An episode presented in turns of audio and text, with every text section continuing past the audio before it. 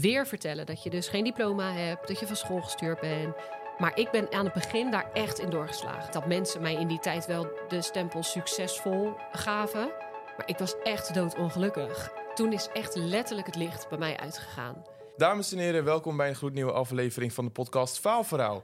We zijn weer op een prachtige startlocatie in Rotterdam. Ik kreeg al van Laura, de gast van vandaag, een compliment over, uh, over het pand. En uh, ja, onwijs trots op ook de samenwerking die we hebben met Startdoc. Los van dat, Laura, welkom in Rotterdam. Ja, goedemorgen. Of morgen zeggen we dan, ja, hè, Rotterdam. Ja, ja, zeker weten. het is nog uh, ochtend. We hebben er weer zin in en we hebben ook weer een interessant faalverhaal. Maar voordat we daarop ingaan, ja, wie ben je en wat doe je eigenlijk? Ja, dat is altijd leuk, want uh, nou, Laura van Die. Um, en ik zeg altijd, ik doe maar wat. Um, nou ja, dat klinkt misschien een beetje raar. En zeker voor degene die mijn facturen betalen, is het soms een beetje lullig. Um, maar het zegt ook wel iets over de nuchterheid waarmee ik onderneem. Um, ik heb twee bedrijven, of twee ondernemingen. Ik ben uh, freelancer. Uh, dat doe ik met Capital V. En Capital V is arbeidsmarktcommunicatie, employer branding klinkt iets toffer, denk ik, maar het is hetzelfde. Um, en daarmee zorg ik ervoor dat mensen bij je willen gaan werken. Dus ik maak werken bij websites, uh, vacature teksten, alles wat er nodig is en wat past bij jouw organisatie, om talent aan je, uh, nou ja, eigenlijk te vinden. Uh, want ik wou zeggen binden, maar dat bruggetje naar werkgelul. Uh, naast Capital V heb ik samen met mijn compagnon het bedrijf Werkgelul. En dat is een bedrijf dat zorgt ervoor dat mensen bij je willen blijven werken. Dus om talent vooral aan je te binden. Dus je zou kunnen zeggen, met Capital V zorg ik dat die voordeur wagenwijd open staat. En met werkgelul doen we de achterdeur op slot. Nice. En waar komt die uh, naam vandaan? Hoe, uh, ja, hoe kwam je daarop? Die, uh, dat mag ik van Marije zeggen, maar die komt volledig uit mijn koker. Um, een aantal jaar geleden kreeg ik de vraag of ik een workshop werkgeluk wilde geven. Voor een organisatie waar ik ook de arbeidsmarktcommunicatie voor deed. En de interne communicatie. En um, eigenlijk bij alles wat ik doe, vraag ik mezelf af: hoe zou ik daar zelf op reageren? Um, dus ik was die workshop aan het voorbereiden, want ik had natuurlijk weer volmondig ja tegen iets gezegd, maar ik had nog nooit een workshop werkgeluk gegeven. Um, en ik was hem aan het voorbereiden en ik zag mezelf daar eigenlijk zitten in die ruimte alsof ik de workshop kreeg. Toen dacht ik, oké, nou stel nou dat ik van die workshopmaker de vraag zou krijgen van... wat betekent geluk voor jou? Toen dacht ik, ja, ik zou die vraag al niet eens kunnen beantwoorden. En als je dan met 30 mensen in de ruimte zit... ja, is het een hele makkelijke vraag, maar je hebt zoveel verschillende antwoorden. Want geluk is gewoon voor iedereen iets anders. Toen dacht ik, dat is eigenlijk ook raar. Want je hebt wel werkgelukprogramma's. En dat is dan iets, zie ik dan voor me, dat wordt bij HR wordt dat bedacht. En die maken dan zo'n one-size-fits-all programma. We gaan iets aan werkgeluk doen. Maar als je een organisatie van 100 mensen hebt, dan is het onmogelijk, lijkt mij, om die 100 mensen. Oh, wat erg, ik heb mijn geluid niet uitgezet. Nee, maakt niet uit. Nou, sorry. Um, om die 100 mensen gelukkig te maken. Uh, dus moet je volgens mij inleveren op iets. En dan denk ik, op wie lever je dan in? Weet je, ik zie dan zo'n directietafel voor me en HR-managers. Nou ja, we hebben honderd mensen, die krijgen we blijkbaar niet met dit one size fits all, alle honderd gelukkig. Nou ja, van wie vinden we het minder erg als ze net iets minder gelukkig worden? Is dat het magazijn? Is dat de buitendienst? Um, dus ik dacht, het bestaat niet. Werkgeluk bestaat niet. Ik geloof er niet in. Naast het feit dat het ook, nou ja, het geeft het gevoel uh, dat werk aan zich niet gelukkig kan maken. Omdat je er dus iets voor op moet tuigen. Nou ja, zo werkt dan mijn brein. Neem je gelijk even mee. We gaan waarschijnlijk van links naar rechts, van achter naar voor en weer een rondje terug. Um, en uh, mijn vader speelt een belangrijke rol in mijn, uh, nou, mijn leven, maar ook in mijn werk. Ik bel hem elke dag. Hij is echt mijn klankbord. Um, en hij zei vroeger: Ik ben van de MSN-generatie. En dus ook de generatie die misschien wel voor het eerst te maken kreeg met cyberpesten. Of um, ruzies, omdat je de nuance niet aan kon brengen. En hij zei altijd tegen mij: ga nou gewoon de kroeg in met elkaar en ga met elkaar lullen. Jullie lullen niet meer met elkaar. Daar is dus de brug naar werkgelul.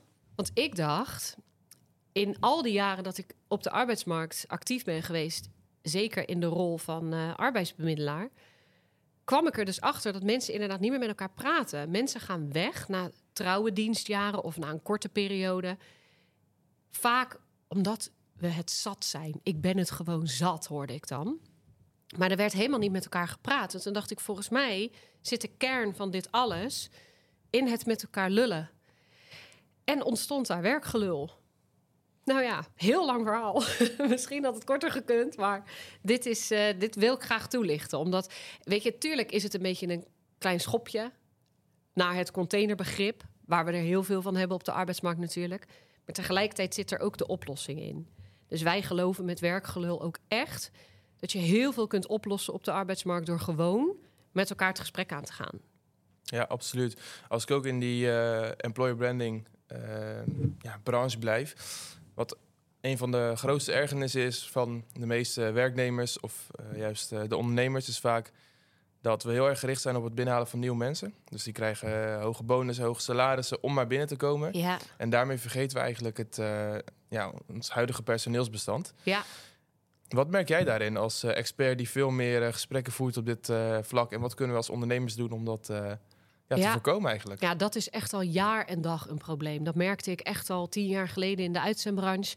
Dat als wij dan een vacature uit moesten zetten voor, nou, ik noem maar even een accountmanager, mocht ik nooit het salaris daarin benoemen, omdat de klant dan zei: ja, maar dit is eigenlijk wel veel meer dan dat de huidige accountmanagers verdienen. En dan komt er om in. Ja, huh. Niet zo gek ook. Uh, maar nu merk je dat dat, dat dat wel opener en transparanter wordt. Um, het belangrijkste advies, en daar is weer dat bruggetje met werkgelul. Betrek dus ook het huidige team erbij. Dus als je voor je team of je afdeling iemand zoekt. en die gaat misschien wel meer verdienen. of die heeft misschien andere nou ja, privileges of noem maar op. omdat je hem echt nodig hebt. Als je dat open gesprek aangaat met de huidige uh, personeelsleden. Uh, kijk, zij hebben er ook baat bij als er iemand gevonden wordt. Want zij doen nu waarschijnlijk drie keer zoveel werk of maken langere dagen of uh, hebben helemaal de focus niet op hun eigen baan.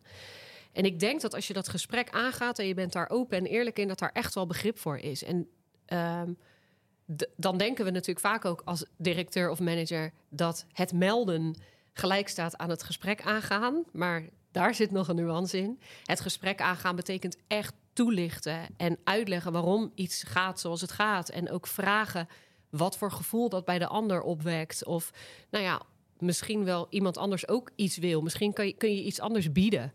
Maar ik zeg betrek, maar dat sowieso altijd. Hè? Als er een vacature uitgezet wordt, wordt gauw. Uh, directie wordt altijd nog wel betrokken.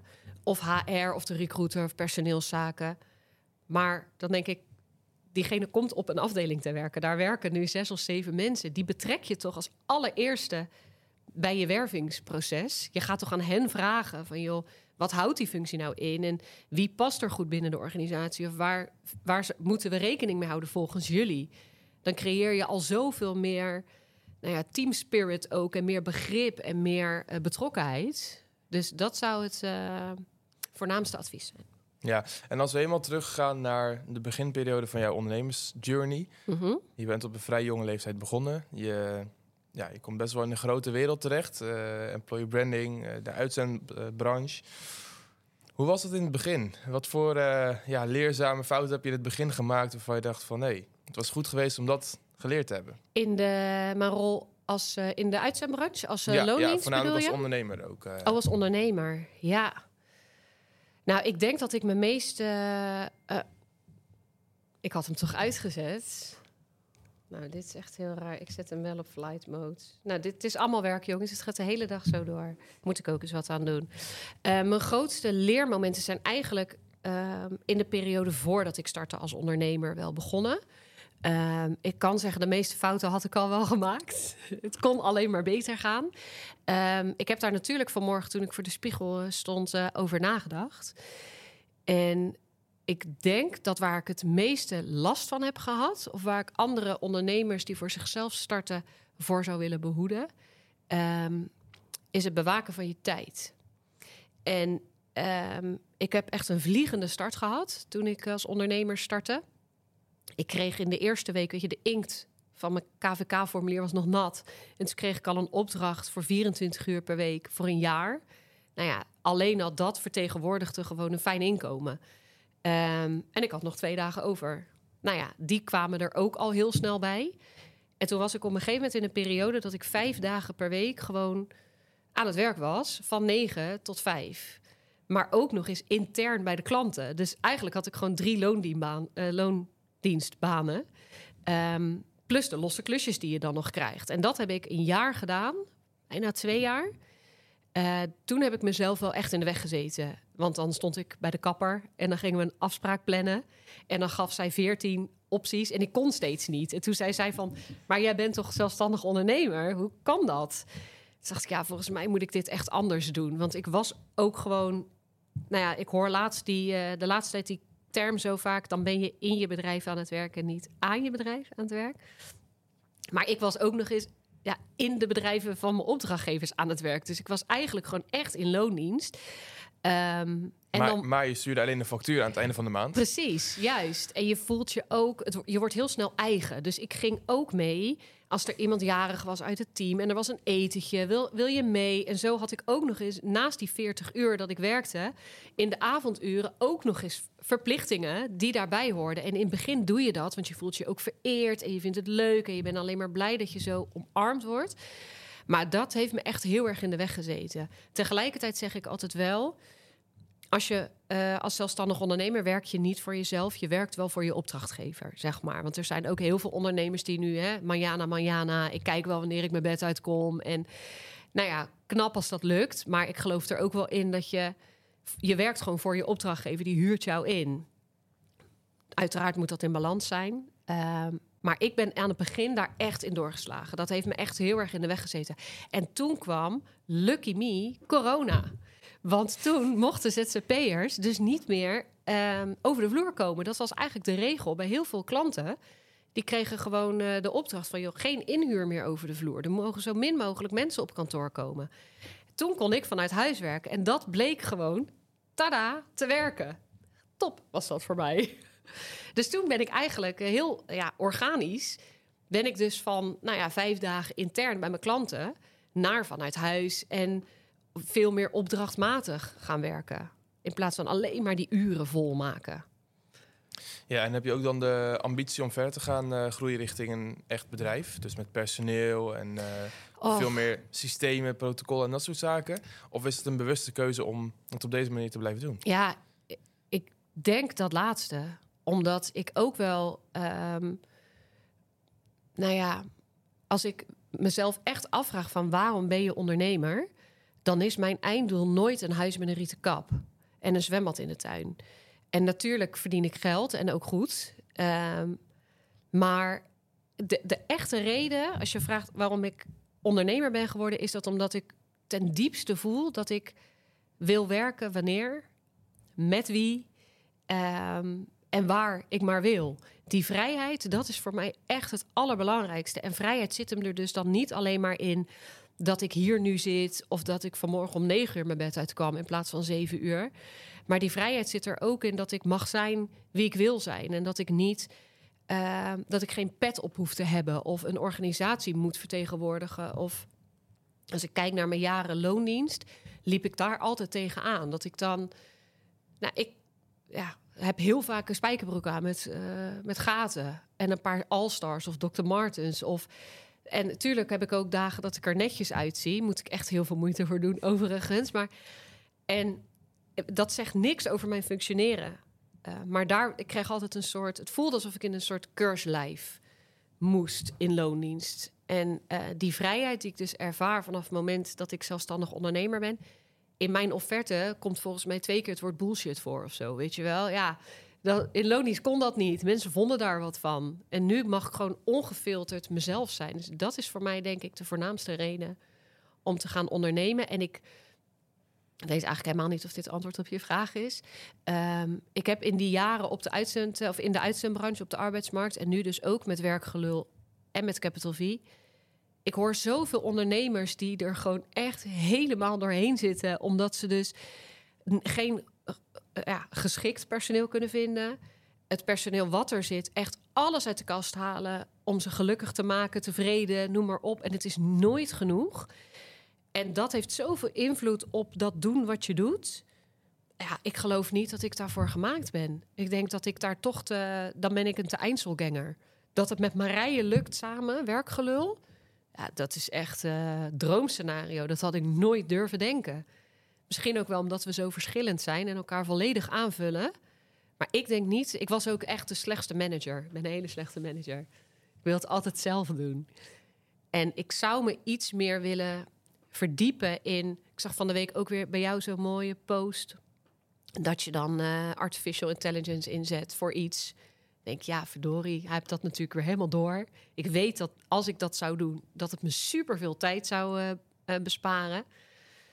Maar nou ja, vooralsnog blijf ik doen wat ik doe als, uh, als freelancer. Ja. ja, dat kan een uh, hele bewuste keuze zijn inderdaad. Uh, als het gaat om artificial intelligence. ja, ik ben gewoon heel veel aan het experimenteren. Ja, vind ik zo leuk. Ik ben ook, kijk, daarin herken ik mezelf ook. Ik vind delegeren ook heel moeilijk. Ja. Maar dat is, dat is het vreemde. ik durf wel dingen uit te besteden aan een machine, aan een AI-tool... die, die misschien minder goed kan dan een mens... Maar daar, daar zit geen emotie achter. Daar zit geen ah. uh, privé situatie. Kijk, ik, ja, dat is misschien uh, heel vreemd. Maar ik kan bijvoorbeeld mensen waarmee ik werk, kan ik ook op een zaterdagavond om 11 uur nog bellen of appen van hey, uh, ja. dit, is, dit moet nog gebeuren en dat soort zaken. En kijk, bij een AI-bot maakt het niet uit. Nee, precies. Doe je het wanneer je wil. Oh, ja. Dus ja, dat is natuurlijk wel, wel heel fijn. Uh, en als we teruggaan naar jouw faalverhaal, dat is natuurlijk uh, ja, ook een bijzonder verhaal. Ja. Wil je ons daarin uh, meenemen ja. in wat er allemaal is gebeurd? Ja, dan gaan we terug naar, jeetje, volgens mij was het 2003. En Toen ik nog geen eens geboren was. oh, het erg. Ja, jij zegt je bent een jonge ondernemer, maar dan denk ik, jij weet volgens mij helemaal niet hoe oud ik ben. Maar dat geeft niet. Ik was 17 en um, ik was voor de tweede keer blijven zitten in 3 MAVO. En um, de eerste keer dat ik bleef zitten, daar, die zagen we wel van mijlenver aankomen. Toen dacht ik nog heel stoer van, nou ja, ik weet nu toch wel een beetje de lesstoffen. En uh, dan moet het wel lukken de tweede keer als ik dat ga doen. Maar uh, jammer voor mij werd er precies dat jaar uh, werd de overgang gemaakt van MAVO naar VMBO. Dus eigenlijk kwam MAVO kwam te vervallen en het werd VMBO. Met compleet nieuwe lesstoffen en nieuwe boeken. En dus ik dacht, kak, ja, echt weer wat voor mij. En uh, nou, dat ging dus weer niet goed. Uh, kleine sidestep. Um, waarom het niet goed ging. Um, ik was echt wel een rotkind. Nou, is ook niet helemaal waar, maar ik, er ligt een hele vervelende thuissituatie aan ten grondslag. Um, waar ik als kind echt precies niks aan kon doen, wat het extra zuur maakt natuurlijk. Um, en ik was er gewoon niet bij in de les. Ik dwaalde af. Eigenlijk was ik al aan het nadenken van wat tref ik straks weer aan als ik naar huis ga. Dus nou ja, goed, ik was er niet bij met mijn hoofd tijdens de lessen. Uh, en thuis gebeurde er van alles, waardoor ik ook niet op mijn gemak mijn huiswerk kon maken of uh, nou ja, dat soort dingen. En um, de aandacht die ik thuis dus miste, uh, zocht ik op school op. En hoe ik ooit heb bedacht dat dat negatieve aandacht moest zijn, echt fuck my life. Um, ik had ook positieve aandacht kunnen vragen natuurlijk. Maar negatieve aandacht was het makkelijkste. Dus ik was echt een beetje de joker van de klas. Uh, nou ja, bloed onder de nagels van de leraren vandaan halen... was zo'n beetje hobby nummer één. Uh, dus ik werd er vaak uitgestuurd. Uh, vaak uh, nablijven, noem maar op. Ik heb ook heel veel gespijbeld. Um, en het was ook een beetje afzetten. Omdat het thuis zo vervelend was... dacht ik, nou ja, dan moeten jullie het maar uh, vergelden, zeg maar. Dus um, niet, echt niet trots op. Vind het echt uh, achteraf uh, had ik dat natuurlijk echt graag uh, anders willen doen. Het is ook te makkelijk om te zeggen van, nou ja, dat komt ook door die thuissituatie, want je hebt altijd een keuze. Alleen ja, ik was zo jong en zo, nou ja, bleu. Um, en als natuurlijk iets, ik heb, het was een mechanisme, het was een kopingsmechanisme, wat ik mezelf natuurlijk aanleerde. En als je daar dus succesvol in bent, ja, dan wil je daar meer van. Dus die aandacht die ik kreeg, en dat, daar wilde ik meer van. Uh, maar uiteindelijk moest ik het dus bekopen met, uh, nou ja, van school gestuurd worden. Met de bemoedigende woorden van de mentor dat ik maar in een winkeltje moest gaan staan. Of kapster moest gaan worden, omdat er verder uh, niks in mij zat. Zijn zijn woorden geweest, hè. Ik zal daar nooit iets over zeggen. Eh, dus ik droop echt af, letterlijk op mijn zeventiende. En had dus ook geen thuissituatie dat ik kon zeggen van... joh, uh, pap, mam, ik weet het echt even niet, help me. Wat wordt het plan? Het was gewoon, uh, ja, ik ben van school gestuurd en dit is het. En nou ja, de mentor had gezegd, ga maar in een winkeltje staan. Ik werkte toen in de weekenden bij de HEMA in Nabeijerland. En mijn vader zei, ja, één tweetje. Dan ga je dus maar gewoon fulltime bij die HEMA werken. En uh, misschien kan je er nog een BBL-opleiding bij doen, detailhandel. Dus dat ben ik gaan doen. Ja, dan ben je 17. En dan draai je dus ineens mee op de arbeidsmarkt. Ja, uh, dan heb je het over uh, arbeidsethos. Nou, geen idee. Ik wist het echt niet. Je bent met allemaal volwassen vrouwen die daar al jaren werken. Ik ben ook echt wel een beetje aan mijn lot overgelaten. Ik ben daar echt achter de kassa gezet en ik kreeg een afdeling. En nou ja, ga het maar doen. En dat kun je misschien tegen iemand van 25 of 35 prima zeggen. Maar als je 17 bent, ja, ga maar doen. Geen idee. En uh, ik moest echt heel erg wennen aan dat werken op die arbeidsmarkt. Het was ook gelijk uh, 9 uur of half negen. Daar zijn 9 uur ging de winkel open. En zes uur ging de winkel pas dicht, dus je was half zeven thuis. Dus je maakt echt ineens hele lange dagen. Je sociale contacten gaan er natuurlijk aan, want je vriendinnen zijn om twee uur al klaar. En uh, ik meldde me vaak ziek op maandagochtend. Um, dus uiteindelijk uh, liep dat halfjaarcontract af. En toen uh, kreeg ik te horen dat mijn contract niet werd verlengd. Bij de HEMA. Nou, ik dacht echt, rock bottom. Dit was echt het meest gênante wat me had kunnen overkomen. Dat vond ik nog erger dan dat van school gestuurd worden. Dus toen was ik 17. Ik had nog steeds die kloterige thuissituatie. Um, ik had geen diploma. En ik had geen werk. En voordat we hierop verder gaan, waar ik dan heel erg benieuwd naar ben. Ik kan me voorstellen dat je zelfvertrouwen dan echt heel erg laag ligt. Dat je echt denkt van, ja, volgens mij kan ik echt niks. Ja. Ja, dat zeg je goed. Wil, wil je ons meenemen in je denkwijze op dat moment? En ja, hoe kom je daar überhaupt overheen? Ja. Hoe begin je weer langzaam vertrouwen in jezelf te krijgen om weer door te gaan? Ja, daar heb ik ook over nagedacht. Uh, en dan kom je toch weer bij het al onbekende. Je, doet het niet alleen en je hoeft het dus ook niet alleen te doen. En alles komt goed. Dat is een beetje het, uh, ons levensmotto uh, thuis. Alles komt goed. Um, ik merkte wel dat ik een soort. Uh, weet je, als je 17 bent, ben je echt nog heel erg naïef ook, hè? En ben je helemaal niet met de toekomst bezig. Dus tuurlijk vond ik het ontzettend gênant dat ik en geen diploma had en dat ik dus uh, geen contractverlenging bij de HEMA had gehad. Maar het was voor mij ook niet het einde van de wereld. Ik zag mezelf niet onder een brug in een doos of zo liggen, weet je wel? Dat was het niet. Um, en ik dacht eigenlijk, misschien moet ik er maar gewoon nog het beste van maken. Want ja, je hebt dan natuurlijk nog een maand of twee maanden, denk ik. Dus maand plus lopende maand, dat je dan een opzegtermijn hebt. Dus dacht ik, ja, weet je, ik ga er maar gewoon het beste van maken. En je doet het niet alleen, dat bleek. Ik werd in die, uh, in mijn opzegtermijn, werd ik gekoppeld aan een nieuwe uh, chef. Je hebt dus leidinggevende, je hebt een bedrijfsleider en daaronder heb je diverse chefs. En dan uh, dus ik. En ik werd gekoppeld aan een chef. En zij heette, hoe toevallig, ook Laura. En zij werkte al jaren bij de HEMA. En uh, ja, het was letterlijk, ik weet niet of je dat gevoel kent, dat je dan in de zee aan het zwemmen bent. En dan heb je zo'n stuk water waar dus niet de zon op schijnt. En daar is het dan ijskoud. En dan ga je verder zwemmen en dan kom je in dat stuk waar de zon op schijnt. En dan heb je letterlijk zo'n warm bad. Nou, dat gebeurde er vanaf het moment dat Laura mijn leidinggevende werd. En alles werd ineens soort van duidelijk. Zij legde mij ook uit wat ik moest doen en waarom ik dat moest doen. En nou ja, protocollen zoals jij het noemt, of een inwerkschema. Ik had dat allemaal nooit gehad en zij deed dat. Um, en zij was heel erg van de positieve feedback en complimentjes geven. En zij zag mij. Uh, zij had ook aandacht voor die thuissituatie. Het mocht er zijn als ik me weer ziek meldde werd ze niet boos of deze niet wat sommige managers wel eens kunnen doen van nou lekker ben je alweer ziek maar zij ging echt het gesprek met mij aan um, dus ik ja ontpopte gewoon en ik uh, bloeide op en ik vond het werk oprecht heel erg leuk dus eigenlijk dacht ik in die twee maanden alleen maar shit ik wil hier volgens mij helemaal niet weg want het werk wat ik nu aan het doen ben vind ik echt heel erg leuk Eh, dus zij zorgde ervoor dat ik ontwikkelde en gaf mij daarmee natuurlijk super veel zelfvertrouwen. Want hoe meer complimentjes jij krijgt, daar wil je veel meer van. Dus ik ging het echt super goed doen. En ik had het heel erg naar mijn zin. En dus gelukkig met een positief resultaat dat ik na die twee maanden te horen kreeg dat ik mocht blijven. Dus dat was, eh, dat was super fijn. En ja, dat zelfvertrouwen waar je het net over had.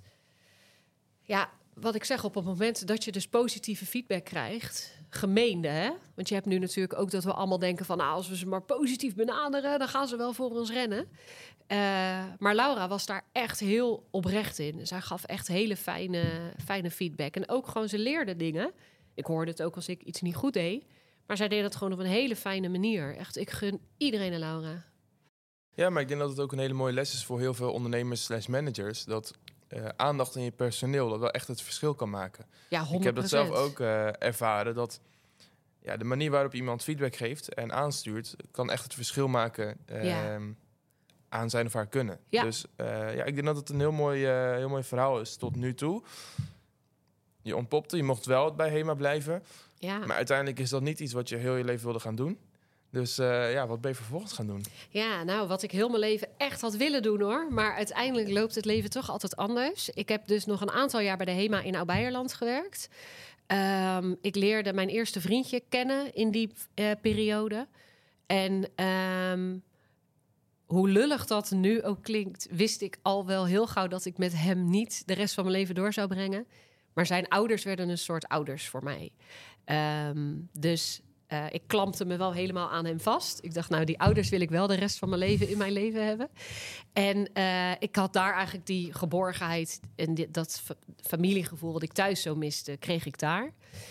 Um, hij was uh, militair en was gelegerd in Wezep. En hij was een paar jaartjes ouder dan dat ik was. Dus hij kreeg heel erg de behoefte om op zichzelf te gaan. En wilde uiteraard graag met mij samenwonen. Nou, dat was mijn uh, ticket to paradise. Dus ik dacht, ik ga wel met je mee. Dus ik heb, uh, weet nog heel goed dat we de kaart van Nederland hadden. En het moest ongeveer in een straal van 50 kilometer om Wezep zijn. En ik heb mijn ogen dicht gedaan en dan zeg je, prik maar. En ik prikte Steenwijk. Nou ja, ik had er nog nooit van gehoord, maar we zijn in Steenwijk gaan wonen. Drie maanden later hadden we daar een huis gekocht. En uh, toen heb ik daar bij de HEMA gewerkt. Wat natuurlijk super fijn was, want alles is vreemd. Heel de omgeving is vreemd. Je kent daar niemand, maar op zich de HEMA is dan toch nog wel een beetje vertrouwd. Dus dat heb ik gedaan. En um, nou, die relatie ging, zoals ik natuurlijk al voorspeld had, op een gegeven moment over. En uh, toen ben ik weer teruggegaan naar Oud-Beierland. Op zaterdag belde ik de HEMA. Ze hadden geen vacature, maar ze zeiden, joh, kom maar. En de maandag mag je starten. En uh, ik dacht, nou ja, kat in bakkie. Alles loopt weer helemaal vloeiend. Ik kom overal weer zo mee weg. Alleen toen moest ik op maandag bij de directeur komen. En uh, wat ik net al schetste, je hebt een chef, je hebt een bedrijfsleidster en dan heb je natuurlijk de directeur. Daar kom je als verkoopster niet zo vaak bij de directeur. Die zie je af en toe eens in de winkel. Daar kijk je vreselijk tegenop. Die vind je heel erg spannend, zeker op die leeftijd. Maar je hebt niet zo heel erg veel contact met haar. Dus ik moest bij haar op kantoor komen. Ik vond het rete spannend. En toen vertelde ze me dat ze uh, blij was dat ik er weer was. Maar ik mocht een half jaar van er blijven. En dat had verder niks te maken met bezetting of functioneren. Um, maar zij gaf aan niks te nadelen van de mensen die bij de HEMA werken. Maar ik heb het gevoel dat jij meer in je mars hebt. En ik zou het zonde van je vinden als je blijft plakken. En als je niks met je talent doet of met die ontwikkeling. Dus je krijgt een half jaar. Je mag zelf kiezen welke afdeling je wil gaan doen. Want je hebt ze volgens mij op de rookworsten na allemaal gehad. Dus kies maar wat je wil in dat half jaar. En over een half jaar heb je of een baan met meer toekomstperspectief, of je gaat een opleiding volgen. Want ik was echt nou, misschien nog maar 20 of 21 of zo, hè, 20 denk ik. Um, en toen had ik al uh, aardig wat uh, werkuurtjes erop zitten natuurlijk. En uh, het een en ander meegemaakt. Maar ik dacht alleen maar, shit joh, ik wil hier tot mijn pensioen blijven. Ik vond het zo leuk om bij de HEMA te werken. En ehm, ik heb ook wel de gave om mezelf ergens makkelijk uit te lullen. Dus ik dacht, joh, als ik over een half jaar geen ander werk gevonden heb, gaat zij me echt niet wegsturen. Want ik ben ook een goede kracht voor haar. Maar uh, daar dacht zij toch iets anders over. Dus toen dat half jaar uh, bijna ten einde was, um, vroeg ze of ik al iets gevonden had. toen heb ik gebluft dat ik die middag toevallig een afspraak bij het uitzendbureau had. Dat zat eh, bijna aan de overkant in het dorp. Dus daar ben ik in de pauze heel snel naartoe gegaan. En eh, nou, toen zat ik daar ineens eh, op het uitzendbureau. Ja, wat een mooi verhaal van, eh, van zo'n ja, directeur eigenlijk die, Ja, die met jou meedenkt. ja, zeker. Ja, En echt wel een eh keyspeler was in jouw eh, ontwikkeling ook. ja 100 procent. Ja, zowel dus de directeur als, eh, als de chef. Ja, zij zijn heel bepalend geweest voor, voor mijn ontwikkeling. Ja, Ja, en dan ga je opeens bij een uitzendbureau zitten. ja jeetje. En dan kom je een beetje in de wereld van, van waar je nu in, in zit. Ja, ja, klopt. Ja, ik ben toen op gesprek geweest bij het uitzendbureau. En wij hebben in Oud-Beierland hebben wij de schokdemperfabriek. En eh, nou ja, daar hoefde je in die tijd een voor- en een achternaam voor te hebben. En dan kon je daar werken, zeg maar, weet je wel. Eh, dat klinkt lulliger dan dat ik het bedoel. Ehm, dus ik dacht, ja, zij gaat mij waarschijnlijk bellen of ik daar wil werken. Ik vond het gesprek vreselijk op het uitzendbureau. Ik vond het zo erg. Kijk, inmiddels heeft de HEMA echt leuke bedrijfskleding. Die hebben leuke spijkerbroeken, leuke truien. Maar in mijn tijd, no way. Dus ik had een of andere beige broek aan. Veel te wijd en eh, smal bij de enkels. Het zag er niet uit. Ik had een trui aan. Ik kreeg denk ik gemiddeld vier keer per week de vraag... of ik zwanger was in die tijd. Stom sjaaltje om. Ik vond het echt vreselijk. En dan kom je dus op zo'n uitzendbureau. Zo'n mooi kantoor. Dat kende ik natuurlijk al helemaal niet. En er zaten een paar van die hele leuke meiden, helemaal leuk aangekleed, helemaal op en top verzorgd. En er zat één eh, jongen, Jan. Ehm, ja, dat was gewoon echt een hele knappe gast. En ik dacht alleen maar, niet bij hem, niet bij hem, niet bij hem. En toen zei hij, kom maar, ik help je wel verder. Toen moest ik bij hem aan het bureau gaan zitten. Nou, het zweet gutste over mijn rug heen. Ik schaamde me zo erg. Weer vertellen dat je dus geen diploma hebt, dat je van school gestuurd bent eigenlijk alleen maar een paar jaar HEMA-ervaring. Ik denk, wat kan ik nou? Wie wil mij nou? Dat was wel echt wat ik voelde tijdens dat gesprek. Ehm, en de vraag, wat is je salarisindicatie? Ik was 20, ik werkte 40 uur per week, maar ik verdiende volgens mij 900 euro bruto per maand. Dat wilde ik natuurlijk helemaal niet zeggen, dus ik zei alleen maar, nou, dat weet ik niet. Ik zoek wel een loonstrook op, bel ik je nog maar over terug. Dus ik vond het echt een heel vervelend gesprek. Wat overigens niks met hen te maken had, hè? Maar dat lag helemaal bij mij. En toen zat ik op mijn fietsje terug eh, 's smiddags. En toen belden ze van, joh, wij hebben zo'n leuk gesprek met jou gehad. Eh, zou je bij ons op het uitzendbureau willen komen werken? Ja, ik had geen idee wat ik dan precies moest doen. Maar ik dacht, dan kan ik in ieder geval tegen Ineke van de HEMA vertellen... dat ik ander werk heb gevonden. Dus daar heb ik ja tegen gezegd. Of in ieder geval, hè, de sollicitatieprocedure zijn we gestart. En toen heb ik twee gesprekken gehad. En eh, ik had werkelijk geen idee wat ze nou precies van me verwachten en wat het allemaal inhield. Maar ik heb daar maar ja tegen gezegd. Ik weet nog dat ik eh, een gat in de lucht sprong, dat ik 1000 euro ging verdienen per maand. Jezus, was ik blij. En mijn eigen kleding aan mocht. Ik moest gewoon eh, gaan shoppen, want ik had eigenlijk niet echt kleding. Ik liep altijd in dat HEMA-uniform.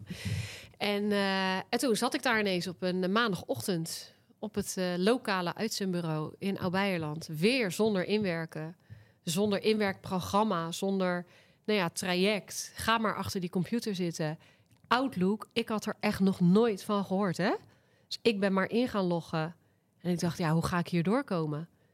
Wat ga ik hier doen? Hoe ga ik hier succesvol in worden? Hoe ga ik hier mogen blijven? En ik had al heel snel door dat... Ja, er was ook niet echt een inwerkprogramma. De, niemand zou mij in gaan werken. Dus ik dacht, nou ja, ben ik eens om me heen gaan kijken. Toen dacht ik, wie is hier van deze vijf collega's volgens mij de meest succesvolle? Ja, dat was Sylvia. Toen dacht ik, ga ik jou schaduwen. Dan ga ik gewoon alles doen wat jij doet. Precies op de manier zoals jij het doet, dan wel beter. En dan, eh, dan gaat het me wel lukken, denk ik. Dus dat heb ik gedaan. Ik ben me gewoon gaan schaduwen. Ik heb gewoon haar als eh, referentiekader aangehouden. En zo heb ik eigenlijk mezelf ingewerkt. En vanaf wanneer was het moment dat je dan eh, dacht van... nee, dit, dit in loondienst, dat bevalt me niet meer. Ik ga ondernemen. Zo, dat is een sprong van tien jaar, denk ik. Want uiteindelijk bleek ik succesvol in de uitzendbranche te zijn. En eh, maakte ik heel snelle stappen. Van vestigingsassistenten, zoals dat dan heet, naar interstudenten. Ehm, naar eh, accountmanager ben ik toen naar een ander uitzendbureau gegaan. En weer terug bij het eerste uitzendbureau vestigingsmanager geworden, regiomanager geworden. En zo, eh, ik had een hele vaste, grote vaste klantenkring.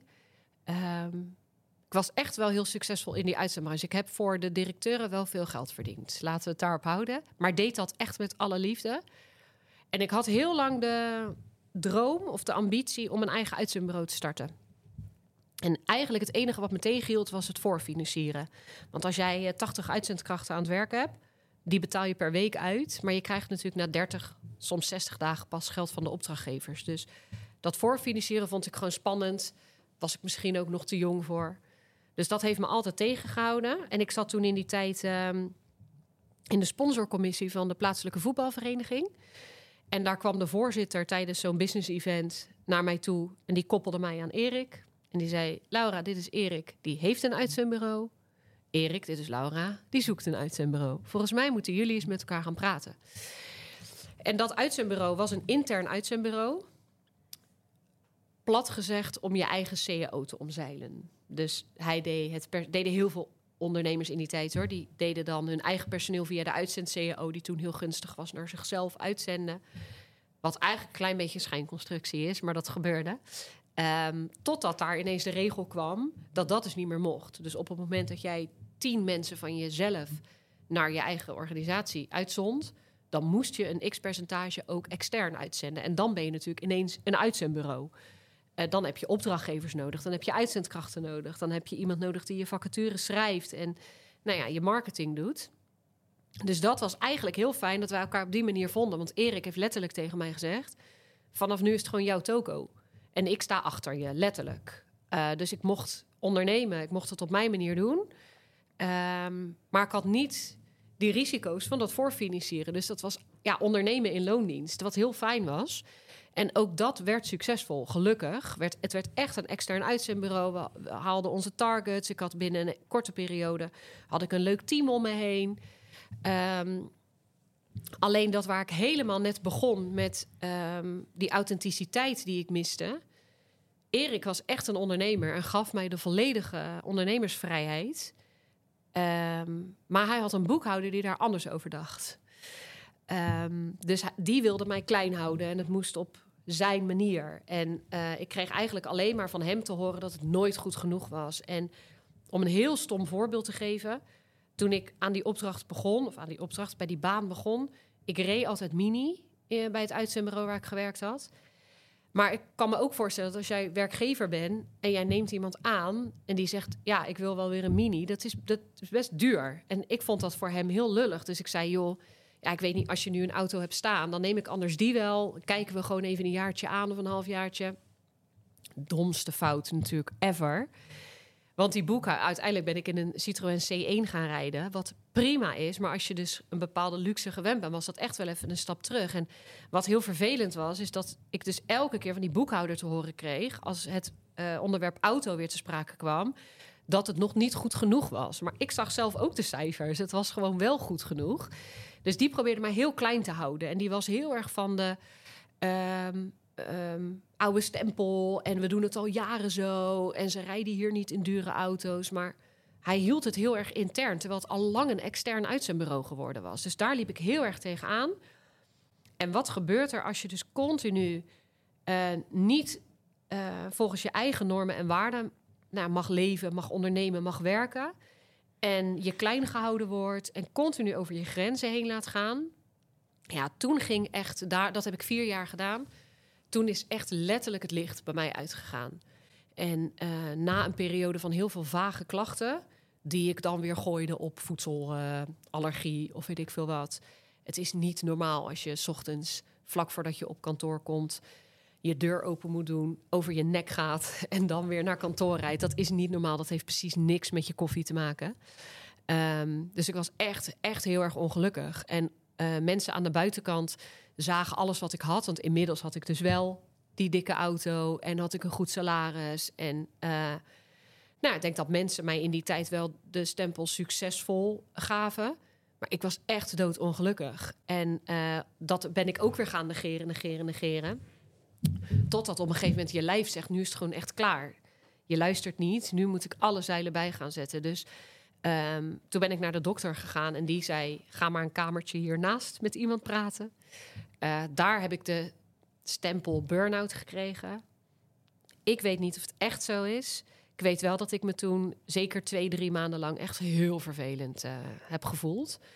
Um, achteraf, wat je vaak hoort bij mensen die dat hebben meegemaakt, zeggen wel: het is het mooiste wat me is overkomen, het beste wat me is overkomen. Maar in die tijd zijn er echt. Uh... Kijk, een burn-out komt in verschillende varianten. En er zijn mensen die slapen bijna heel de dag. Hè. Die zijn gewoon helemaal, uh, die zijn echt moe. Echt letterlijk burn-out. Uh, je hebt uh, paniekaanvallen, kan je ook krijgen. Bij mij, ik was lam geslagen. Ik denk dat ik, ja, het Engelse woord nam, weet je wel, dat je echt gewoon, zo voelde ik me. En ik kan me echt herinneren dat ik in een hoekje van de bank zat en naar een, een, een plekje op het plafond keek. Ja, daar, ik denk dat ik daar aan één stuk door drie dagen naar heb zitten turen. En je kon, nou ja, noem eens wat schattigs, een baby in mijn armen leggen. Of je kon zeggen, je hebt uh, de staatsloterij gewonnen. Ik voelde gewoon niks. En dat vond ik heel erg, dat ik dat gevoel kwijt was. Ik voelde helemaal niks meer. Ik was helemaal lam uh, gelegd. En um, toen ik weer een beetje bij dat gevoel kwam... door gesprekken voeren met, nou ja, therapeuten, noem het, geef het een naam...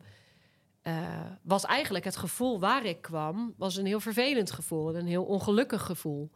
Um, dus er zijn echt wel dagen geweest dat ik in die tijd wakker werd en dat mijn allereerste gedachte was: fuck, ik ben er nog. Het was echt heel relaxed geweest als ik vannacht gewoon uh, langzaam was gegaan, zeg maar. Dus dat was een hele diepe, donkere periode.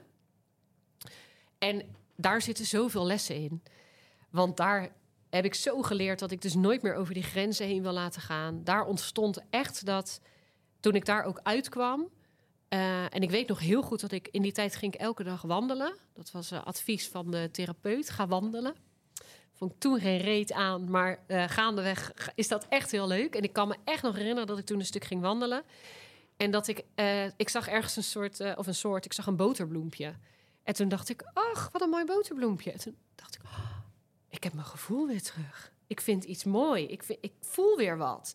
En toen heb ik volgens mij echt uh, nou ja, een potje staan janken daar op dat kruispunt. Uh.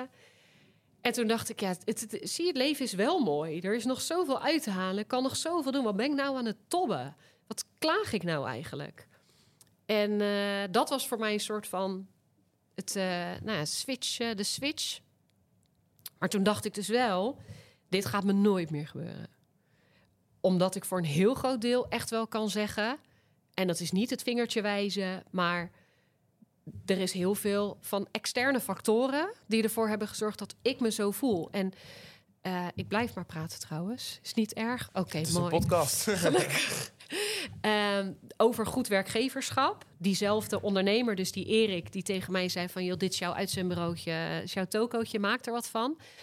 Uh, toen echt wel duidelijk was dat ik, uh, dat ik goed ziek was, dat ik me goed uh, slecht voelde, kwam hij op een avond bij mij thuis aan de keukentafel, had een hele grote fruitmand bij zich. En toen sprak hij de woorden uit: Als je voelt dat je terug wil komen, dan wacht ik op je. Al moet ik twee jaar op je wachten. Je krijgt doorbetaald, je mag in de auto blijven rijden. We maken er echt iets van. Uh, want ik ben ook van je gaan houden. En je, je doet het goed. Je bent een goede nou ja, kracht voor mij. Hij zegt maar, als jij je nu zo voelt... Hij zegt, ik vind het vreselijk om je zo te zien... want ik was echt een dood vogeltje. Als jij je zo voelt door mijn bedrijf... dan trek ik vandaag de angel eruit. En dan krijg je een leuk centje mee. En dan mag je ook nog even in de auto blijven rijden... en neem je tijd. Maar ik wil niet dat jij je zo voelt door mij. En toen hebben we ook echt letterlijk gelijk wel aan tafel de angel eruit getrokken. En ik weet dat dat echt een soort, nou ja, alsof je een steen hebt doorgeslikt. Die kwam er weer uit, zeg maar. Dus ik had weer een beetje, dat gaf zoveel ruimte. Um, dus die hele burn-out was door zoveel verschillende externe factoren ontstaan, dat dat echt wel mijn grootste leer, het leermoment is geweest. Dat ik dat, dat liet ik gewoon nooit meer gebeuren. Dus ik was een soort, ja, de phoenix of zo die weer herrezen was of zo. Maar uh, wel gewoon ook heel beschermend. Van joh, dit gaat me nooit meer uh, uh, gebeuren. Dus dat was een hele lange brug naar de vraag: hoe ben je gaan ondernemen? Maar dit ligt daar dus wel allemaal aan ten grondslag. En waarom ik het wel wil vertellen, of heb verteld, is omdat er zijn best wel veel mensen die met mij het gesprek aan willen gaan. Van mag ik eens met jou sparren hoe jij gestart bent? Want wat jij doet ziet er zo leuk uit. En wat heb jij dan gedaan? Ja, ik heb geen business school of zo gedaan. Ik heb een kloterige jeugd gehad. Ik ben van school gestuurd. Ik heb eh, tien jaar lang eh, keihard gewerkt.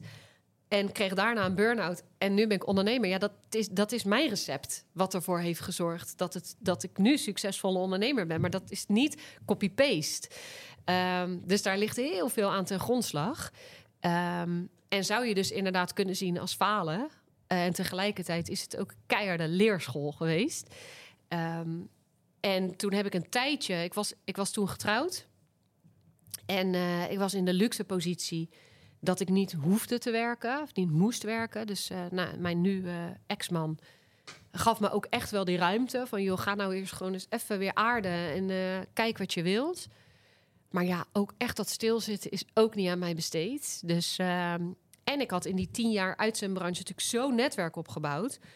Ik heb ook nog in die tijd dat ik dus uh, thuis zat, zoveel lieve kaarten en brieven en cadeautjes gekregen van klanten en uitzendkrachten. Dat was zo warm, dat was zo fijn. Um, dus die gingen ook wel een beetje hè, na drie maanden van, joh, kunnen wij eens proberen of Lau iets bij ons kan doen? Of, uh, dus ik kreeg meerdere aanbiedingen in die tijd. En hoewel ik had gezworen dat ik nooit meer de uitzendbranche inging, belde er toch een uh, bevriend uitzendbureau. Ik heb met haar in de jury gezeten voor Zakenvrouw Hoekse Waard. En we hadden gewoon een leuke klik. En uh, zij zei van, joh, ik heb begrepen wat er is gebeurd en vervelend voor je, maar zou je toch nog eens bij mij een kans willen geven op het uitzendbureau? En daar ga ik hem afkappen, want ja, we zitten eigenlijk op ons tijd, nee! maar er zit nog zo'n lange verhaal achter. Maar ik wil hier een, uh, een cliffhanger plaatsen en ik wil je graag uitnodigen voor een deel 2. En dan gaan we hier verderop in. Um, ja, want het wordt nu echt nog leuker. Ja, ja, ja, nee, inderdaad. Dus laten we zeker een deel 2 doen. ik wil je nog twee vragen stellen. Ja. En daarna wil ik de aflevering afronden. En dan heel graag in deel 2 verder. Ja. Als je kijkt naar wat je nu allemaal hebt gedaan. Mm -hmm. Heb je spijt dat je niet heel je leven bij de HEMA bent gaan werken? Of denk je van, het is wel goed geweest dat ik al die dingen heb meegemaakt? Nee, het is echt heel goed geweest dat ik dat gedaan heb ik geloof ook dat het uh, plaatje dat het zo goed is dat mensen zo lang bij je werken, hè, die uh, dienstverbanden van 20 jaar, daar moeten we ook vanaf. Want soms is het echt goed als je je vleugels uitslaat. Uh, als mensen maar goed bij je weggaan, dan komen ze echt vanzelf wel terug. Want ik zeg nog steeds, als alles inklapt, ga ik morgen weer terug naar de HEMA. Mooi. Ja, eigenlijk kunnen we hem daarmee het beste afronden, denk ik. En dan gaan we deel, deel 2 uh, verder. Want er komt nog een heel interessant verhaal over je ondernemersjourney. Ja. En, uh, en het verhaal daarna. Dus ja, voor nu heel erg bedankt voor deel 1. Ja, bedankt voor je tijd. en, uh, oh, erg. Ja, ja, werkgelul. Ik zeg het niet voor niks. Geef mij een microfoon en ik ga lullen. Ja, nee, uh, dat is helemaal goed. En dan uh, gaan we in deel 2 verder. Dus uh, ook richting de luisteraars en kijkers heel erg bedankt voor het kijken en luisteren. En dan zie ik jullie heel graag bij deel 2 van dit verhaal.